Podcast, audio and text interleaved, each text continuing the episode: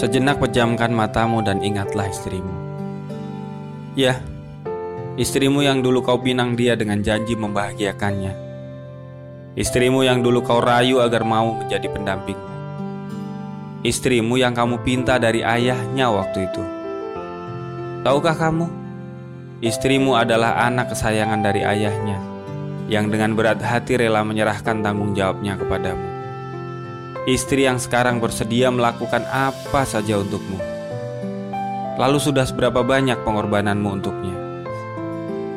Sudah berapa biaya yang kamu keluarkan untuk memudahkan hidupnya? Berapa yang harus kamu bayar untuk ojek antar jemput anak-anakmu dan memastikan mereka sampai di sekolah dengan selamat? Berapa tukang cuci yang harus kamu gaji untuk bajumu dan anak-anakmu agar tampil rapi? Berapa biaya koki yang harus kamu bayar untuk menyiapkan makanan sehat untukmu dan anak-anakmu setiap hari? Berapa biaya babysitter yang kamu keluarkan untuk menjaga anak-anakmu setiap hari? Berapa gaji guru privat untuk mendidik budi pekerti anak-anakmu agar berbakti dan menyayangimu hingga kelak nanti? Sudah berapa besar biaya yang kamu keluarkan untuk membeli susu dengan formulasi terbaik bagi anak-anakmu?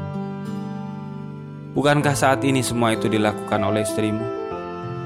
Yang aku tahu, setiap kamu pulang anak-anakmu melemparkan senyuman kepadamu kala menyambutmu datang.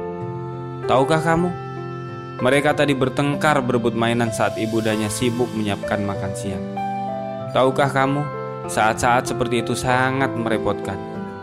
Yang aku tahu, mainan, ruangan dan ranjangmu rapi saat kamu pulang. Tapi tahukah kamu, rumahmu menjadi arena bermain bagi anak-anakmu tadi siang dan itu juga sangat merepotkan.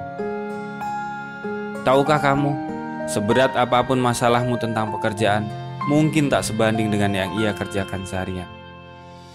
Nanti, jika kamu pulang, cukup kamu dengarkan cerita dan mungkin keluhan istrimu. Lalu peluklah ia dan katakan, "Terima kasih, istriku, aku mencintaimu." Karena mungkin yang ia butuhkan hanyalah bahumu untuk bersandar dan hatimu yang setia untuk membuatnya bahagia.